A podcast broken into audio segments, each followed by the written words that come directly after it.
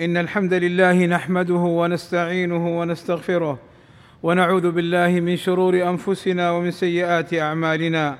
من يهده الله فلا مضل له ومن يضلل فلا هادي له. وأشهد أن لا إله إلا الله وحده لا شريك له. وأشهد أن محمدا عبده ورسوله.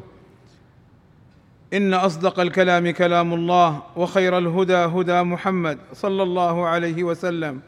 وشر الأمور محدثاتها وكل محدثة بدعة وكل بدعة ضلالة وكل ضلالة في النار. أما بعد فاتقوا الله عباد الله كما أمرنا بقوله يا أيها الذين آمنوا اتقوا الله وقولوا قولا سديدا. يصلح لكم أعمالكم ويغفر لكم ذنوبكم ومن يطع الله ورسوله فقد فاز فوزا عظيما. عباد الله إن الإسلام دين كامل قال الله عز وجل اليوم أكملت لكم دينكم وأتممت عليكم نعمتي ورضيت لكم الإسلام دينا.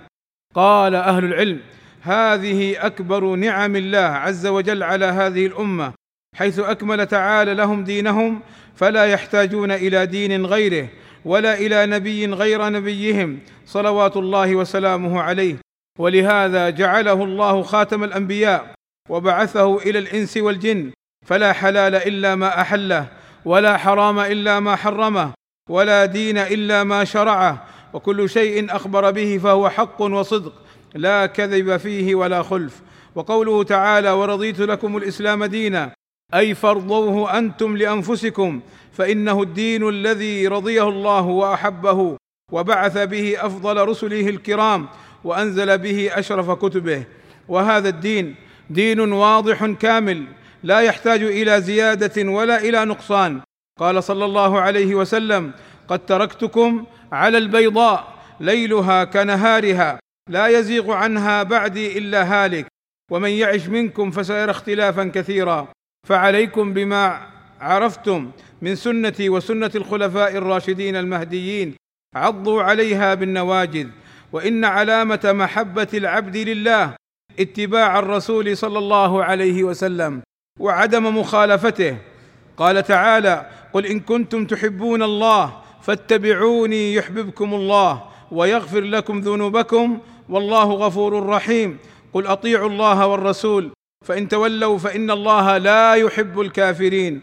قال أهل العلم هذه الآية فيها وجوب محبة الله وعلامة الصدق اتباع رسوله صلى الله عليه وسلم في جميع أحواله في أقواله وأفعاله في أصول الدين وفروعه في الظاهر والباطن فمن اتبع الرسول صلى الله عليه وسلم دل على صدق دعواه محبة الله تعالى وأحبه الله وغفر له ذنبه ورحمه وسدده في جميع حركاته وسكناته ومن لم يتبع الرسول فليس محبا لله تعالى لأن محبته لله توجب له اتباع رسوله فلما لم يوجد ذلك دل على عدمها أو نقصانها وأنه كاذب إن ادعاها مع أنها على تقدير وجودها غير نافعة بدون شرطها. وبهذه الآية يوزن جميع الخلق فعلى حسب حظهم من اتباع الرسول صلى الله عليه وسلم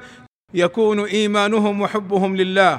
وما نقص من ذلك نقص. ومن الأمور التي حذرنا منها النبي صلى الله عليه وسلم المحدثات وهي الأمور الجديدة التي يخترعها الناس قربة إلى الله والبدع وهي الأمور التي يفعلها الناس باستمرار قربة إلى الله بلا دليل شرعي.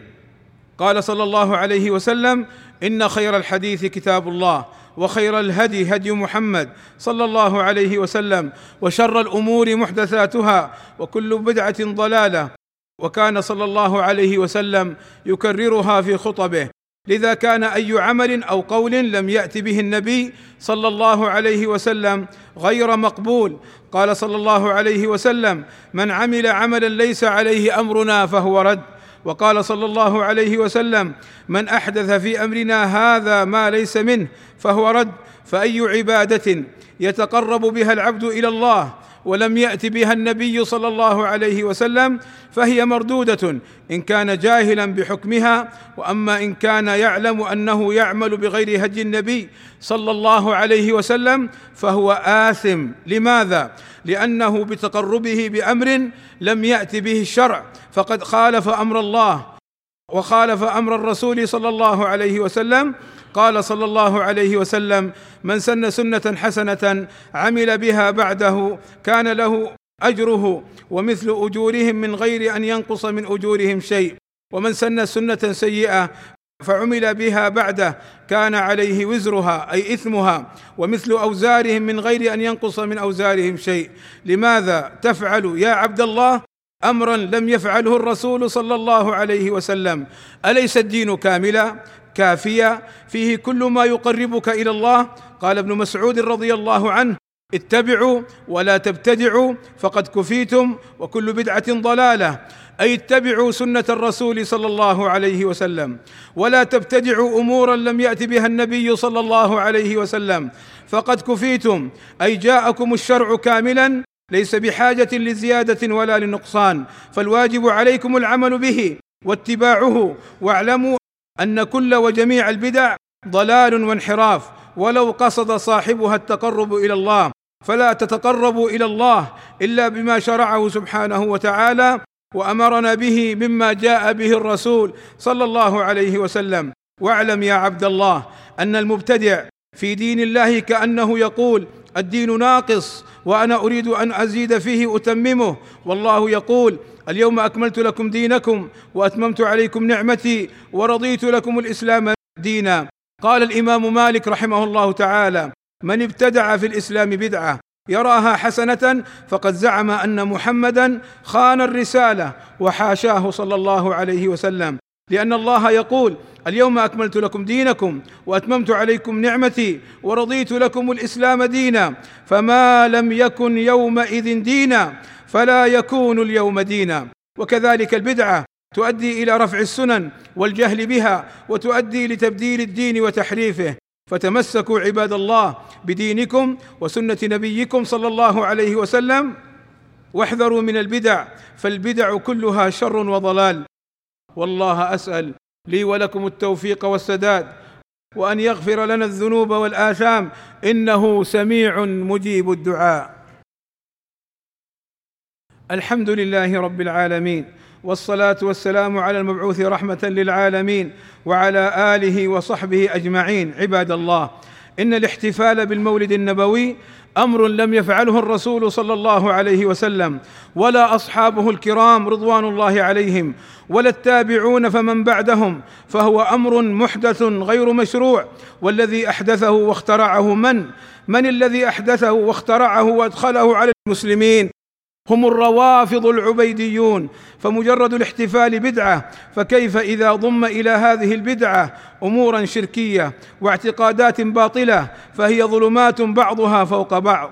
فإن قيل الاحتفال باليوم الوطني مشروع والاحتفال بمولد النبي بدعة فالجواب أن الاحتفال باليوم الوطني ليس المقصود منه التقرب إلى الله ولا أحد يقول إنه دين بل هو من عادات الناس في أمورهم الدنيوية. والبدعة لا تدخل في أمور الدنيا إلا إذا ادعى فاعلها أنها قربة إلى الله. فإن قيل النصارى يحتفلون بمولد عيسى عليه السلام فلماذا لا نحتفل نحن المسلمون بمولد نبينا صلى الله عليه وسلم؟ فالجواب أننا نهينا عن البدعة في الدين والإحداث فيه كذلك نهينا عن التشبه باليهود والنصارى. فإن قيل إن المولد النبوي فعله من باب محبة الرسول صلى الله عليه وسلم. فالجواب إن محبة الرسول صلى الله عليه وسلم تكون بطاعته فيما أمر واجتناب ما نهى عنه وحذر ومما حذر منه البدع.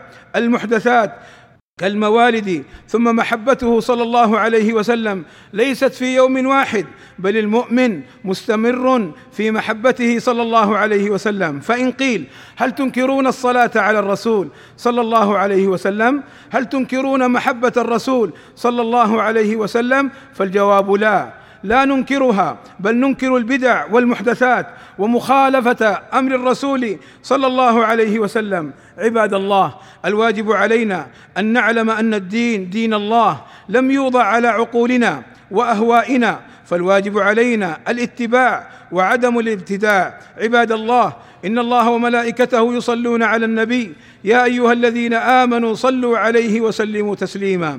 فاللهم صل على محمد وأزواجه وذريته كما صليت على آل إبراهيم وبارك على محمد وأزواجه وذريته كما باركت على آل إبراهيم إنك حميد مجيد.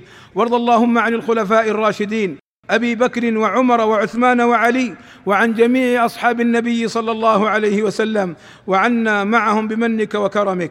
اللهم آتنا في الدنيا حسنة وفي الآخرة حسنة وقنا عذاب النار. اللهم فرج همومنا واكشف كروبنا ويسر أمورنا. اللهم اغفر للمسلمين والمسلمات والمؤمنين والمؤمنات الأحياء منهم والأموات. وصلى الله وسلم على نبينا محمد وعلى آله وصحبه أجمعين. والحمد لله رب العالمين.